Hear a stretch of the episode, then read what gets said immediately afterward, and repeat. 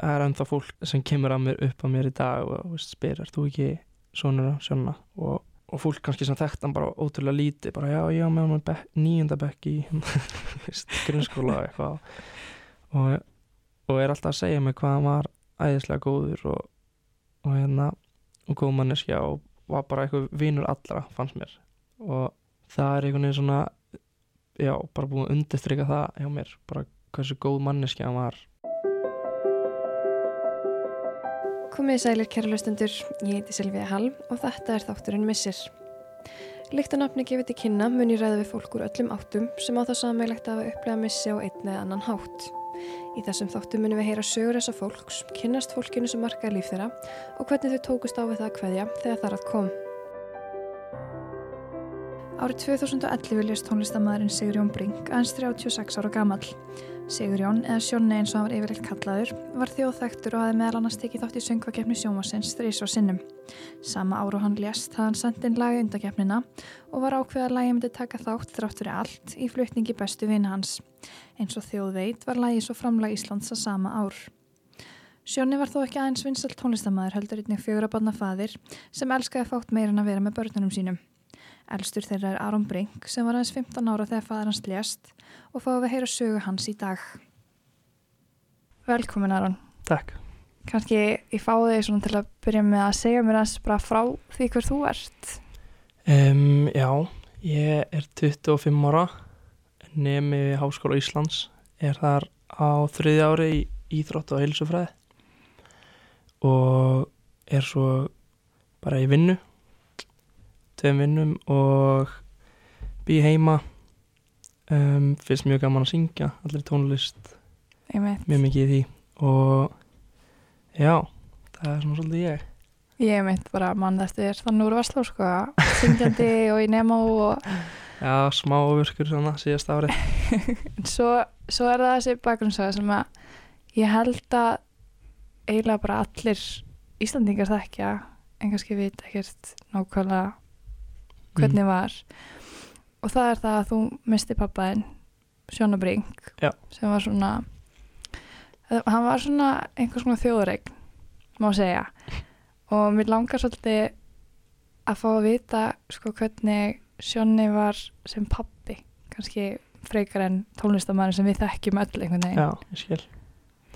Já, hann, veist það er einhvern veginn maður getur ekki ímyndið aðruglega flestir sem segja þetta um pappa sinn en ég get ekki ímyndað mér betri pappa til eiga sko. Hann hérna hann var bara, hann var svo hress og glaður alltaf, veist, ég man ekki hann var eitthvað tíman reyður eða pyrraður út í neitt veist, nema að það var eitthvað svona mann eitt skiptið vorum í útlöndum eitthvað tíma þá var eitthvað svona, þá var út á okkur krökkunum, þá var eitthvað svona ok, æ, þetta var eitthvað svona okkur var ekki hleyft inn í eitthvað garð með honum á sama tíma og hann vildi ekki skilja okkur eftir og þetta var eitthvað svona þá fyrst skiptið sá ég hann reyðan og það var bara því hann vildi ekki skilja okkur krakkan eftir. En alltaf var hann bara ótrúlega ótrúlega mikið fjör og stemming kringum hann. Mér varst bara ég er, já, þessast engabat fóröldar minna og pappi á hérna á fjögur börn með þreymur konum og ég er elstur þar í rauðinni og mér fannst ég bara að vera svo nálægt honum. Þú veist ég veit það ekki, bara veist, margir vinni mínir sem eiga fóröldra og svona sem voru ekkert kannski mikið að endilega hanga með þeim, skilur, þegar ég var í pappa þá var ég bara með pappa fattur, ég var bara með honum að, í Playstation. Og með honum bara eins og hann væri félagi minn. Ég myndi bara miklu vinir. Já, algjörlega, og þegar ég var í pappa veist, þá ég, veist, ég átti enga annátti heim í Garabænum með Þórunni. Og veist, ég átti enga vini þar veist, ég var bara, kom alltaf og bara gera ráð fyrir að ég væri fara að vera með pappa allan tíman, skilur, saman hvað ég var hann Einmitt. og hann alltaf bara, veist, með honum til fótbolta eða horfa á fótboltaleiki og gera eitthvað, gegja það sko. Þannig að ég man líka mjög vel eftir því sko, vini mínir tölu oft um að bara eitthvað, já, er hérna er pappi töff að sækja þig núna í skólan, þetta að fara til hans um helgina eða eitthvað, að hann var svo einhvern veginn ungur í, eða veist, hann var svo mikið fjör í kringum hann sko, þannig að já, hann var bara æðislegur í alla staði sko. Og því sískinin alveg samhællin þáttur að vera svona kannski dreifða milli? Hvað séru? Voru þeir sískinin alveg svona samheldin hópur? Um, já, það var það sko. Við vorum mjög oft þú veist, hann var náttúrulega oft að spila og gigga um helgar og hann að hann var hérna var alltaf svona færri og færri skiptir með að fóð til hans en það var alltaf já, við vorum yfirlt öll fjögur sko, saman þegar hérna við fórum, sérst ég og Kristi Marja yngri sýsti mín fórum yfirlt á sama tíma sko og já, bara vorum mjög mikið saman. Fannstu fyrir því að pappiðin væri frægur söngvari? Nei, sko ég, ég, þegar ég var í fyrsta bekk þá held ég að pabbi minn var í bítlunum ég sagði öllum krökkunum með mér í bekk pabbi minn er í bítlunum. Að hann var alltaf að syngja bítlalög og var í svona bítlatónleik og ímislegt en ég, nei ég, veist, ég horfði á hann ekki að hann væri eitthvað frægur veist, að veist, það var ekkert fólk að stoppa okkur eitthvað staðar eða vorum í Nei. búðinu eða neitt þannig. Veist, það kom svona setna mér þá svona fattaði maður líka þegar veist, hann fór að taka þátt í söngakefninni og svona og, og líka þegar hann dó þá einhvern veginn sá maður hvað voru margir sem þekkt hann ég gerði mér ekki alveg grein fyrir því sko. Og þá kannski svona að því getur hann sagt mér frá því bara því sem gerist og, og hvað þú ert gamall og svona þegar það gerist já, þetta er sérst 2011 og ég er hann að 15 ára 7. janúar um, man að ég var að læra fyrir starffræðapróf í hérna tíundabæk og á þessum tíma þá sem sagt ákveður uh, árinu undan þá fer mamma með stjúpam mínum og hérna tveim systri mínum og flytja þau til Noregs. Bara hafa alltaf langað til að prófa að búa úti og svona fara út. Og ég segi bara harneita því að fara með þeim bara nei, ég ætla að klára skólan hér ég ætla ekki að fara til Noregs núna og þannig amma og afi flytja inn til mín sérst, mamma, mömmu. Og þau eru að sjá um mig bara á þessum tíma. Og þannig að, já, mamma er sérst í Noregi þannig um, svo bara kemur sérst uh, er, heyri ég um að vera að tala í síman mjög seint sko. Um, mér finnst það smá skríti og hérna og svo er allt í hennu stjúpan mín sem sagt konu nummið tvö og babba sem á Kristín Mari sýstu mína. Hún er komin hérna bara inn í stofu og, og þau kalla mig fram og ég finn bara strax bara ok það er eitthvað eitthvað búið að gera sko og hugsa strax til Kristínu Mari og og hérna og ég sé bara hvernig hún er á svipin og hún segir bara pappiðin er dáinn. Og veist maður fyrir bara í afneitun. Maður bara, veist, hann var ekki veikur. Það var, ég var að tala af hann í gær skilur, bara. Og veist, þetta er maður já, ég held ég hef sagt bara nei stanslust í klukktíma hana heima, ég var bara nei. Nei, nei, nei. Og hérna svo ákveðu við að fara líka því ég var ekki minn enn á útskýringu eða veist þegar ég spurði hvað hva gerðist þá var alltaf bara hann datt bara niður skilur ég, veist, það er umuleg útskýring. Einmitt. þegar maður vill bara fá öll svör bara og hérna og sem sagt svo fer ég með henni um, í Garðabæin í Blíkanes sem er sagt í næstu götu fyrir neðana sem pappi og Þóra náttu heima. Og þar býr sagt tengda mamma, pappa býr hann í næstu götu. Og við förum öll þar inn og þar er bara allir sem ég þekki. Bara amma og afi, ég á tvö sett af öllu þannig að það var mjög mikið af fólki. Sískinni, pappa og þetta var mjög svona súrjalist þegar ég hugsa svona tilbaka að vera komin annað og það var allir bara samankomnir á grándi, engin veit neitt eitthvað neginn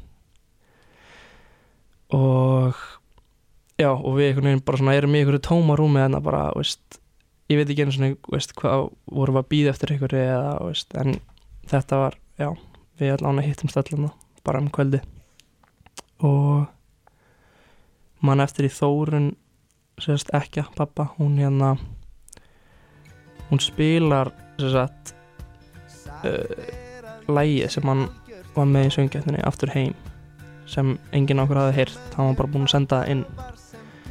Á einhverja ástæði þá, já, vildi hún hérna langa hana að spila það fyrir okkur. Og þannig að þetta lag einhvern veginn hefur snertið mig alveg gríðarlega mikið. Þetta er bara svona la lagi sem bara svona minnir mig á þú veist, pappa og sérstlega þennan dag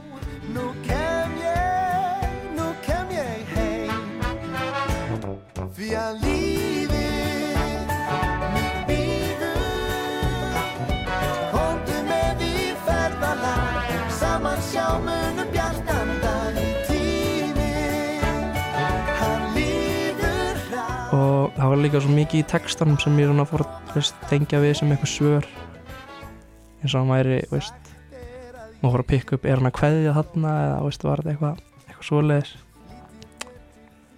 Og já, svo bara pappi var sérst bara einn heima þegar þetta gerist. Hann færi sérst heila blóðfall og er bara einn með strákana og þeir eru svoandi og hérna já, alla segjast vera svoandi hérna haukur sem sagt heyrir eitthvað ding og lappar inn í stofu og, og þar liggur hann á gólfinu. Og hann er þarna 2011 þannig að hann er hann er fættur 2005 þannig að hann er alls ekki gammal hann til að vera standið þessu. Hann er hann bara 5 ára og ringir neðalína og er ótrúlega duglegur með það. Og já. Þannig gerist þetta allt sko. Og eins og þú segir, þú veist, það var engin aðdraðandi, það var engin veikindi eða neitt svo Nei. leiðis. ekki neitt. Hvernig, hvernig er tíminn eftir þetta? veist, Er þetta bara sterk órumveruleika tilfinning eða var þetta fljótt að síast inn eða hvernig var það? Nei, mér ást þetta rosalega lengi Mhm. síðast inn í mann sko alltaf vest að vera ekki með mömmu á þessum Já. tíma hún tók bara næsta flug heim mm, veist, ég vaknaði daginn eftir í veist, bara rúminu og maður og veist, og þegar ég vaknaði þá var ég bara akkur er ég hér, skilur, akkur er ég ekki í mínu rúmi og þá var ég svona, byrðu og þú veist, ég bara svona rifjað upp bara, nei var það ekki eitthvað sem ég var að dreyma? Einmitt. en veist, þá þurfti ég svona að minna mig aftur að það bara, nei, ok, þetta gerðist bara í alvegni, bara ég er, þetta er bara núna lífið mitt, Já, þetta er bara þetta raunveruleikin. gerðist já en veist, ég man eins og þegar allir voru að skrifa svona minningagreinar fyrir hérna fyrir hann og svona í dagblæðið og svona veist, ég var ekki með í neina því ég, nein, ég veit ekki, ég er bara svona ég vildi ekki samþykja það Nei, einmitt. og þú veist, ég hef verið að lesa tilbaka og veist, það var allir með mjög fallegan minningagreinar og svona og þannig, ég man svo vel eftir þessu að ég var bara þegar ég var spurður hvort ég vildi skrifa eitthvað til pappa og ég var bara, nei, ég var bara þetta var ekki komið, eða veist, þetta var bara ekki búið að síðast inn, ég var ekki tilbúin að koma með eitthvað ræðu Einmitt. svona stutt eftir Hvernig, hvernig var það ekkert skrítið fyrir þig að vera veist, að meðteka þetta og einhvern veginn að skilja hvað gerðist og sjá einhvern veginn bara allt samfélagið vera að syrkja hos pappaðinn? Jú, það var Jú, þetta var náttúrulega út um allt líka bara daginn eftir strax ég náttúrulega var ekkert mikið að gera neitt annað en að vera heima bara upp í rúmi. Þannig að ég var ekkert, ekkert mikið eitthvað að skoða þetta. En maður tók alveg mjög vel eftir því. Það var já, bara þetta var á öllum miðlum og hann hefði fallið frá. Og já, mikið fólki að veist, senda mér. Veist, fólk sem kannski ég þekkti ekki einu sinni eða neitt og strax byrjað að einhvern veginn. Maður sá svona hversu vel hann var hversu vinamargur hann var og hversu marga hann þekkti. Einmitt. Og en svo hana í framhaldinu hún segir þetta með Eurovision-lægið mm -hmm. sem var einhvern veginn bara svona einhvern veginn allir flykti sér á bakvið já, hvernig tilfinning var það fyrir þig að sjá vini pappa eins svo flytja þetta lag í söngakefninni mér varst það bara mjög fallið leið til að veist, dreifa tónlistin hans og veist, koma bóðskvæðum hans áfram í rauninni. Ég mér finnst ekkert mála að hlusta þá syngja þetta lag sko. Mhm. ég hérna tengi einhvern veginn allt öðru sem vita þegar ég heyri hans rödd vera að syngja hann texta. En ég var ótrúlega stressaður fyrst þegar ég heyrði það alltaf að fara með þetta. Vissi ekki hvernig það myndi koma út en hérna þeir gera þetta bara frábælega og líka bara þeir eru allt bara bestu vinnin pappa á tónlistinni þannig að það var svona mjög fallegt einhvern veginn allt Varst þú mikið með í þessu ferðlust? Fórst þú með út eitthvað svo leis? Já, við hérna uppalega hérna var bróði pappa uh, litli bróði pappa Átni, hann sagði við mig þegar hérna þegar við komumst áfram eitthvað ef þetta myndi fara allavega og myndi við, myndi við tveir og kannski einhverju fleiri fara og fara með og ég var eitthvað já, ekki og svo einhvern veginn bara hópaðust, bara fóru allir út sko, bara amma og afi og frændur og sem var óslega skemmtilegt og svona skrítið að, veist á sama tíma að vera hana, veist, út af þessu Mm -hmm. en samt bara æðislegt líka bara sjá hvernig sko fjölskyldunar að því eh, er líka engabad fóröldar sinna að hérna hvaða voru allir bara saminuðust og að voru eitthvað neginn voru við svo oft saman eftir þetta öll. Og það var svo mikilvægt eitthvað neginn að vera bara veist að fyrir þetta voru við kannski ekkert fjölskyldunar mikið eitthvað saman en nú þarna var allum veist. Allir saman í matabóðu, öllum bóðið allt skilur við, bara að því hafa einhvern veginn Einmitt. einn einstakling og með þessu einhvern veginn svona náðu við smá að fylla upp í það Mm -hmm. Og kannski vera svona saman í þessu. já, algjörlega Og eins og með sískinniðin, hvernig áhrif hafði þetta á ykkar samband? sko mér fannst náttúrulega þeir strákarnir eru svo litlir þeir eru bara hérna tveggja og fimm ára þegar þetta gerist og þannig að ég og Kristín erum svona Kristín er fimm árum yngri en ég þannig að hún er tíu ára hana þannig að fyrir mér var það svona uh, fannst mér ég og Kristín tengjast aðeins meira í gegnum þetta. Mm -hmm. og en eins og núna eða eftir þetta þá veist, var ég ekkert mikið að fara hérna svona pappahelgar, þess að það var engin pappi þannig að ég fór að hitta þá aðeins minna sagt, þórunni og, og strákana en finnst það mjög mikilvægt í dag að veist, ekki láta það gerast Einmitt. að hitta á því þetta, þetta þarf ekki að vera ástæð þess að við verum eitthvað fjarlæðir sko, alls ekki En eins og eftir enn Eurovision, mm mm -hmm. og maður hefur oft fyndið að maður, eins og segir, það segir órumveruleika tilfinning og hún er svo sterk í manni. Þegar það ferli klárast, var Mhm. það ekkert sjokk að þetta, þetta gerist eiginlega svona beint í framhaldinu? Jú, sko Jú, það gerir það því þetta einhvern veginn veist þegar þetta gerist þá er þetta bara svona eins og eitthvað veggur það er bara svona fannst svona eins og allt bara stoppar þegar þetta gerist og maður bara svona það er ekkert líf eftir þetta en ef það er einhvern veginn ekkert svona á ekkert framundan finnst manni Mhm. Einmitt, og maður var aldrei gladur aftur Nei. eða neitt. veist, og svo förum við hana út og svona þannig að þa- veist, þá kemur loksins svona og ég er spenntur fyrir ykkur eða veist, er að gera eitthvað annað en að vera bara heima Mm og það er alveg satt sko, þegar maður kom aftur heim þá svona já, veist, nú er þetta búið eða Einmitt. fattur þannig að, jú, það var alveg mjög skrítið að koma aftur heim sko, og þá tók bara raunveruleikin við aftur En eins og fyrir þig að vinna úr sorginni, var það eitthvað sem einsettið strax eða, eða varst mjög meðvitað um að þurftir að gera á þessum tíma? Nei, alls ekki. Ég vissi ekkert hvað væri venjulegt eða það veit að enginn í dag hvað, hvað á að gera eða hvernig á að vinna úr þessu. En mér varst bara best að vera í kringum fólk og stímaðan eftir fyrsta daginn þegar ég kom aftur í skólan eftir þetta þá veist, það voru vinni mínir vissi ekki neitt hvernig það átt að vera. En Mhm. hérna en mér var svo geðvett bara að fara veist, bara eftir skóla að gera það sem voru vanir að gera. Að fara Mhm. bara aftur í veist, rútínuna og bara að lífið heldur áfram.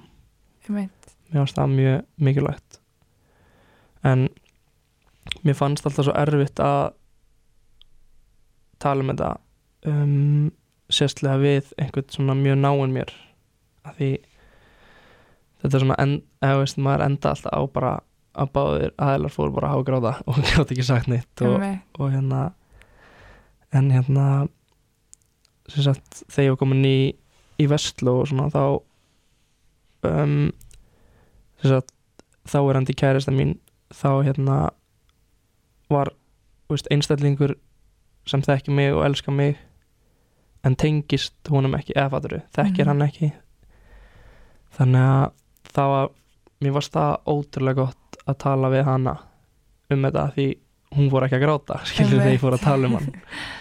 Og það, mér varst það að hjálpa mér svo mikið því þá var ég að segja henni skilur sögur og hvernig hann var. Mér var svo gaman að lýsa þú veist, fyrir ykkur öðrum hvernig hann var veist, en ég var ekki að fara að segja það um mömmu bara eitthvað, já, hann var allt og veist, hún veit allt hvernig Nei. hann var þannig að mér varst það að hjálpa mér ótrúlega mikið að tala við eitthvað sem þykir vænt um mig en veist, er ekki tengdur einstaklingunum einhvern veginn og hún geti að fengja að kynnast honum í gegnum þig Já, með sögur og með sögum og hérna, já, og heyra hvernig, hvernig hann var í rauninni. Mér Mm. varst það mjög líka mikilvægt að bara til þess að gleyma þig ekki, að bara Nákvæmlega. tala um hann.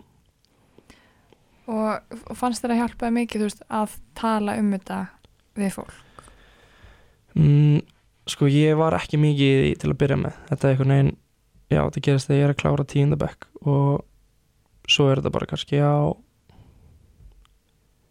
veist, næst síðasta ári í Vestló, þriði ári eða eitthvað, þá fer ég svona aðeins meira að svona tala um þetta einhvern veginn en veist, við fórum alveg til hérna Vigfúsar og svona, veist, strax eftir þetta all fjölskyldan og þannig og, og svo náttúrulega er Ljónsjarta mm -hmm. frábær samtök sem eru hérna að gera mikið en ég einhvern veginn eins og með minningagrannar ég einhvern veginn bara svona dró mig alltaf út úr ég veit ekki, það einhvern veginn það var svona mitt teik ég, mig, ég veit ekki hvort það er eitthvað rættur að tala um þetta eða mér bara, mér langaði ekki að tala um þetta. Nei, ég veit, fyrir en senna mér nei, þetta er sem með minningarinn ást bara ég tengi alveg við það eða ég man Mhm. eftir því, sko, að vera beðin um að skrifa minningarinn og, og þá var ég bara, ást, við settum einhverja bæna, nei, einhver texta. Mm -hmm. en ég mitt maður bara svona vildi ekki horfast í augu við að hefði gerst einhvern veginn, þetta væri endanlegt. Nei, svo maður vildi ekki kveðja. Nákvæmlega. En eins og þegar þú fyrir Vestló mm -hmm. hann að stutt setna Já. fannst eitthvað fyrir því að, veist, að fólk þekkti þessa sögu Mm, já, kannski bara svona Já, það kom alveg svona nokkuri sem jú, sem viss alveg þú veist, tengdu við Brink nafni að, Mhm. og spurðu þá eða vissu það bara að Mhm. hérna að hann var pabbi minn og já. Já, voru alveg já, fólk alveg fólk vissi sérstaklega í bekknum mínum og svona hvað hérna, hvað gerðist. Alltaf tekur mastur á pappænum með söngin og já, einhvern veginn. Ef, ef manni fannst það alltaf þú veist að maður Mhm. byrja að slóa að það var svona a sense, já þetta er svona sjönnabring, hann er syngjandi og hann er, þú veist, í öllum félagsstörunum og okkur svolítið en, en svo ferð þú sjálfur í Eurovision undir Já. Hvernig var það? Var það, veist, fannst þér það tengdur það eitthvað við þann tíma þegar hérna aftur heim var sendt út um, já, mér fannst það svona einhvern veginn skrifa svona smá í skíin að hérna einhvern veginn að ég myndi fara í söngakefnina Þú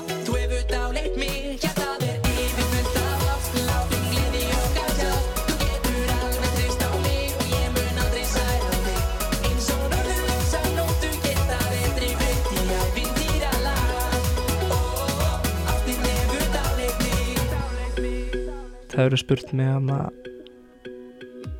2011 sko. Vist, ég söng ekki neitt.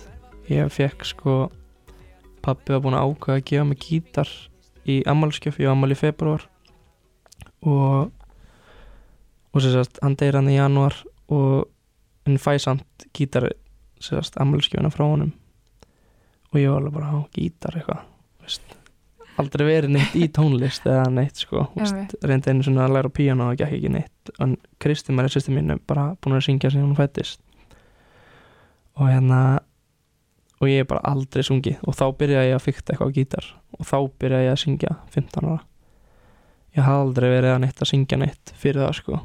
Þannig að veist, líka sorglega það veist, hann hefur aldrei heyrt mig syngja. Mhm. og, og hugsa, og veist, en ég veit alveg að hann horfir alveg niður til minn stoltur og sér veist, hvað ég er búin að gera Mhm.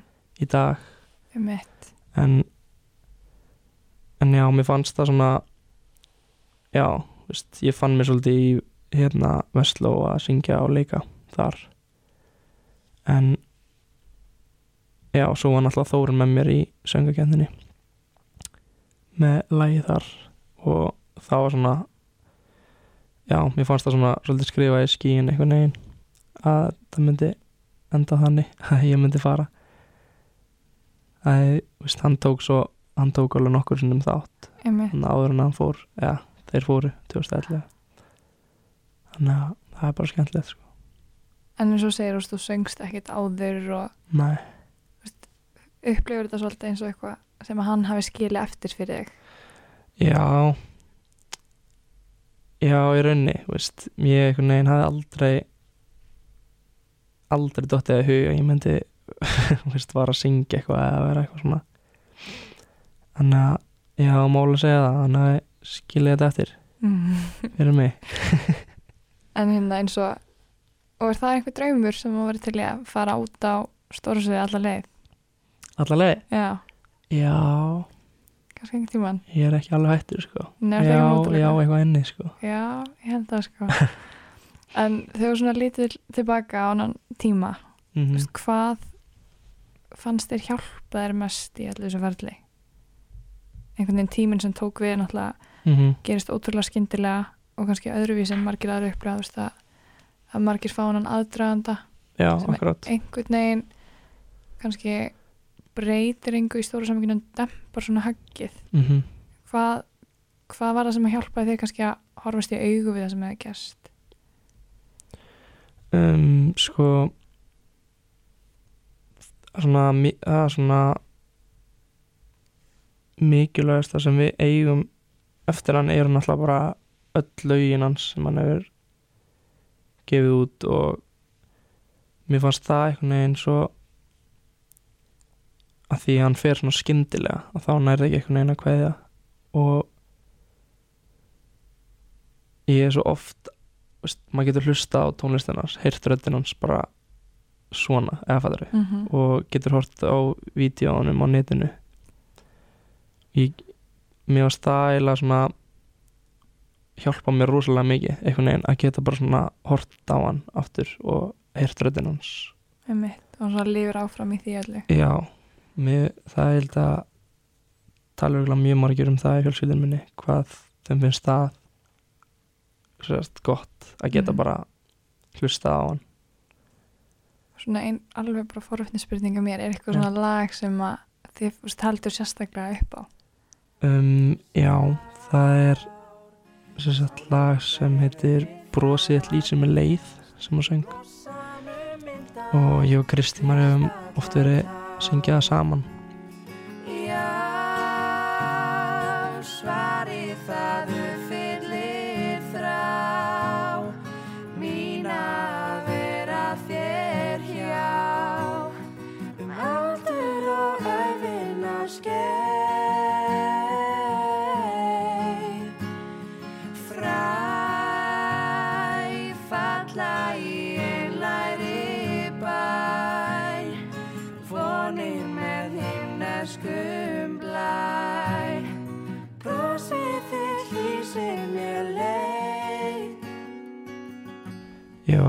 já, mér finnst þetta bara svona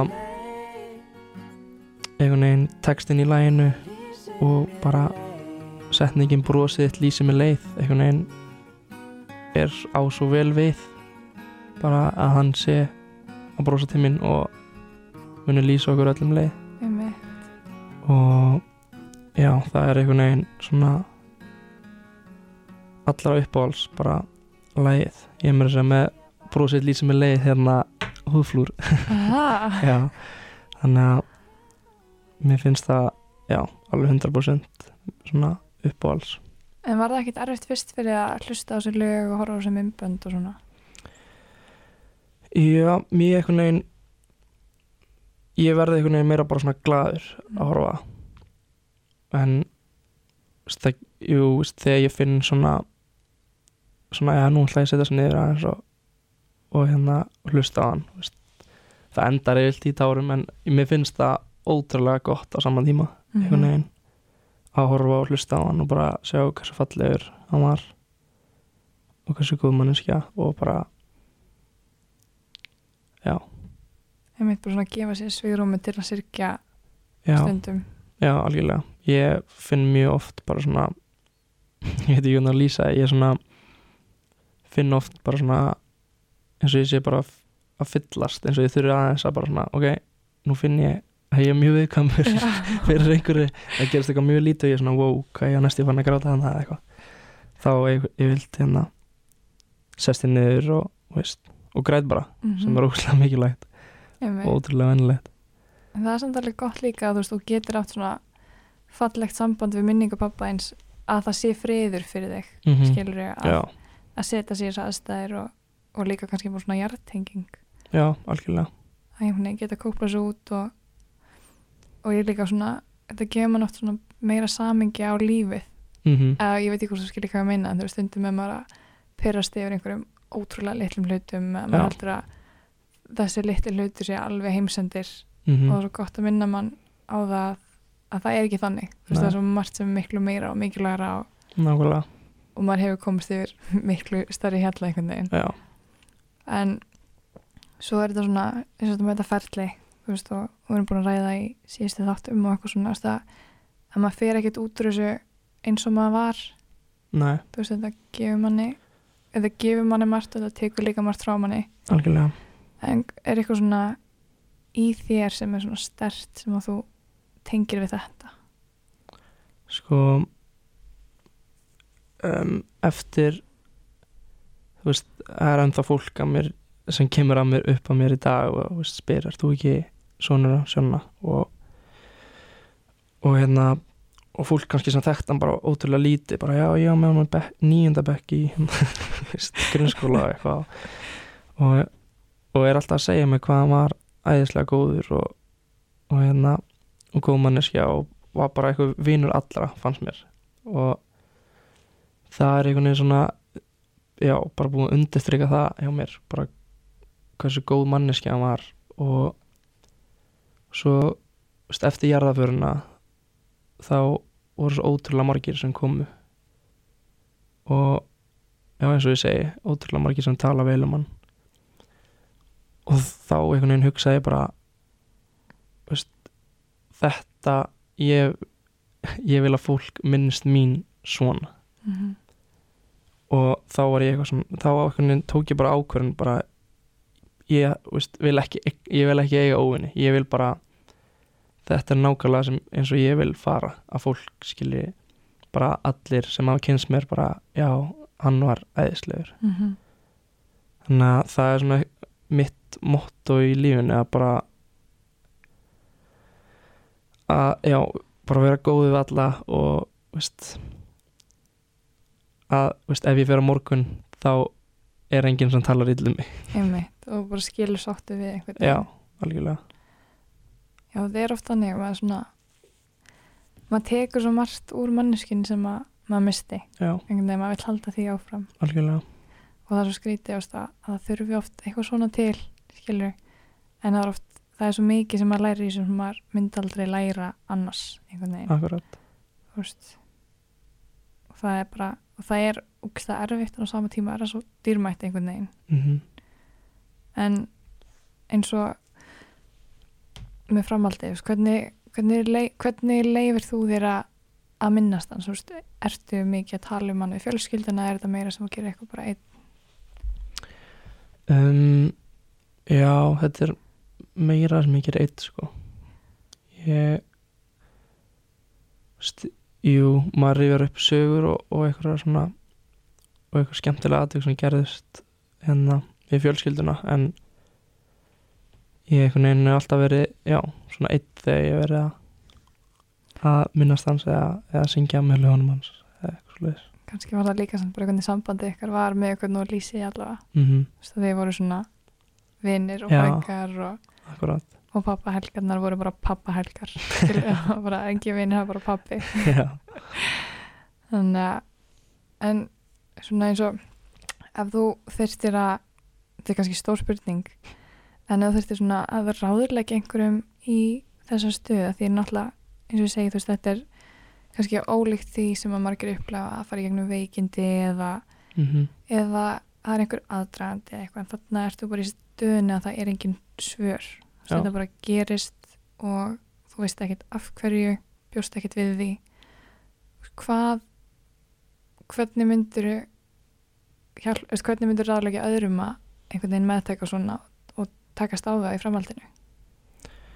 Um, já, eins og maður segir maður, veist, maður er engin sérfræðingur Nei. en, en hérna vonandi er engin sérfræðingur í þessu að takast á við svona. En ég held að sé bara bara mér fannst ótrúlega gott að vera með fólki til að byrja með, bara vera í kringum alla. Alla sem elskuðu hann og og þó maður þarf ekki endilega að vera að tala um hann eða, eða þannig, bara vera með fólkinu sinu og mér varst líka bara gott sko að já sem sagt eins og ég sagði á hann að lýsa honum og tala um hann að lýsa honum fyrir ykkur um öðrum fannst mér ótrúlega gott. Og ég veit eins og núna var Ljón sérta með hérna vorum í samstarfi við litlu kvíða meðferðastofunni með kvíða meðferðarstöðinni og hérna og ég fór hérna mér bauðist að fara í í sérst sálfræði tíma þar. Bara núna í fyrra. Og þá svona hérna upplýði aftur svona hvað var gaman eða ekki kannski gaman en það var svo gott að veist, lýsa og segja hvernig manneskja var. Þannig að ég myndi mæla rosalega vel með því sko að ekki endilega finna eitthvað sem er tengdur honum heldur bara að tala við eitthvað vinninn eða eitthvað sem kannski þekkt hann ekki það mikið og bara, já segja sögur á honum. Ég held að það hefði hjálpað mér mikið. Lefa hann að lifa með þér áfram. Já, algjörlega. Ég held að þetta sé bara fallið lokaord ef ég segja alveg sér Ég þakka bara kærlega fyrir komuna. Takk fyrir mig. Og takk fyrir að deila með mér þinni sögu Hjarta mitt er fullt af ástinn og hlýju. Augun þín blíðu Flæðunni heitt.